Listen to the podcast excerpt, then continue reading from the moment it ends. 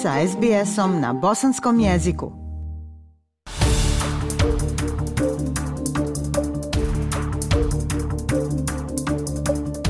Slušate SBS program na bosanskom jeziku. Govorimo o rasizmu postavljajući pitanje koliko je rasizam prisutan u modernom australskom društvu. Inače, u australskom sportu i lokalnim zajednicama prisutan je već duže vrijeme. Nedavno je objavljen novi plan za koji se istraživači nadaju da će pomoći onima koji doživljavaju rasizam da dobiju pravu pomoć i podršku. Prilog Debore Grork. U aprilu 1993. futbaler Niki Winmar učinio je slavnu gestu. Podigao je dres i pokazao prstom na svoju kožu na utakmici između St. Kilda i Magpiesa. Navijači Collingwooda rasistički su ga vrijeđali kao i njegovog suigrača Gilberta McAdama, a Winmar je želio da zauzme stav. Ove godine Collingwood je konačno i formalno uputio izvinjenje koje je gospodin Winmar sa zadovoljstvom primio.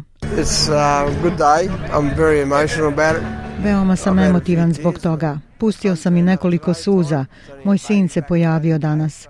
On je u to vrijeme bio beba. Slavna fotografija na kojoj Winmar pokazuje na boju svoje kože na terenu postala je simbol za domaće igrače u Australskoj futbolskoj ligi 30 godina kasnije sa rasističkim incidentima koji se i dalje događaju s alarmantnom učestalošću. Napadač Lavova Charlie Cameron jedan je od četiri igrača autohtonog porijekla koji su bili zlostavljani na ovogodišnjem okupljanju, dok futbalski navijači još uvijek pamte legendu Sydney Swansa Adama Goodsa koji je redovno verbalno napadan u igri. Australska futbalska liga priznala je da nije učinila ništa da podrži Guca dok je bio zlostavljan, ali trenutni šef Australske futbalske lige Gilon McLean kaže da kodeks sada čini sve što može da se pozabavi rasizmom. Mislim da to vrijeđa sve ljubitelje futbala, sve Australce. Što više naša futbalska zajednica poziva ljude na odgovornost, utoliko bolje. Daleko od futbalskog terena, lokalne zajednice pokušavaju se pomiriti s rasizmom. Inaz Janif je član odbora Islamskog vijeća Viktorije u Melbourneu. Kaže da je rasizam dio njenog života od kad je bila dijete. It can be subtle and it can be, you know, right in your face.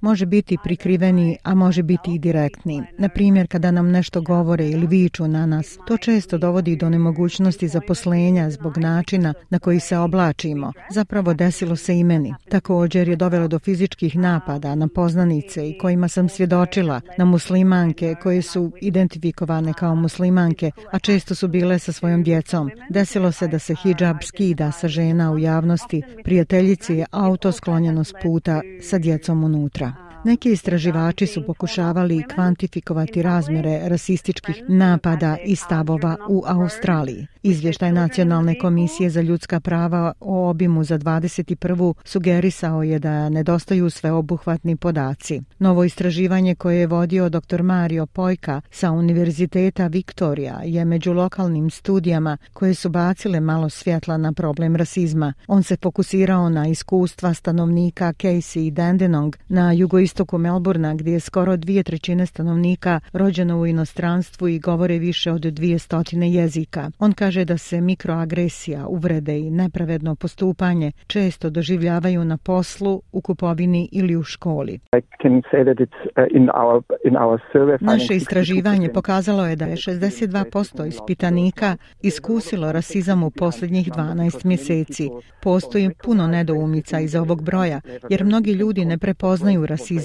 Ljudi imaju sasvim drugačiji koncept rasizma. Iz iste zajednice neki ljudi kaže da su iskusili rasizam stotinu puta, a druga osoba koja je u vrlo sličnoj situaciji kaže da nikada nije iskusila rasizam. Dr. Pojka kaže da četiri od petoro ljudi nisu prijavili rasističke incidente zbog jezičkih barijera. Smatrali su da to ništa neće promijeniti ili zato što jednostavno nisu znali kome da se obrate.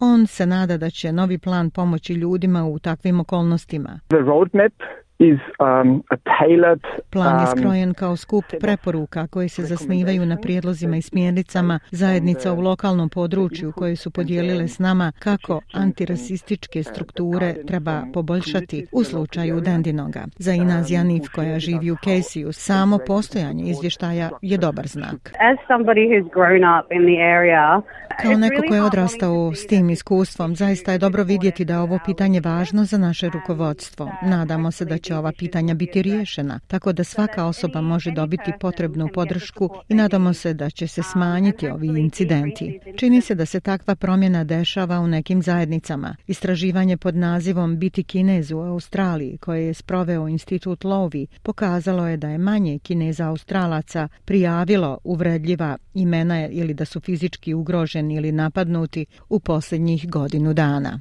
Istraživačica dr. Jennifer Su objašnjava. Ukupno povjerenje u Australiju da učini pravu stvar u svijetu stoji vrlo visoko. Većina kineskih australaca vjeruje da je tako. Sve je veći nivo osjećaja pripadnosti Australiji, lokalnoj zajednici i Australiji u cjelini. Komisija za ljudska prava već radi na nacionalnoj strategiji za borbu protiv rasizma. Istraživači sa Univerziteta Viktorija razvijaju još jednu strategiju protiv rasizma za koju se nadaju da će izazvati veći napredak u cijeloj državi. Dr. Pojka kaže da će njegova saradnja sa Ministarstvom zdravlja, Vijećem etničkih zajednica i Islamskim vijećem Viktorije nastojati prepoznati prepreke u prijavljivanju i potrebe za podrškom za ljude koji se suočavaju s rasizmom širom Viktorije.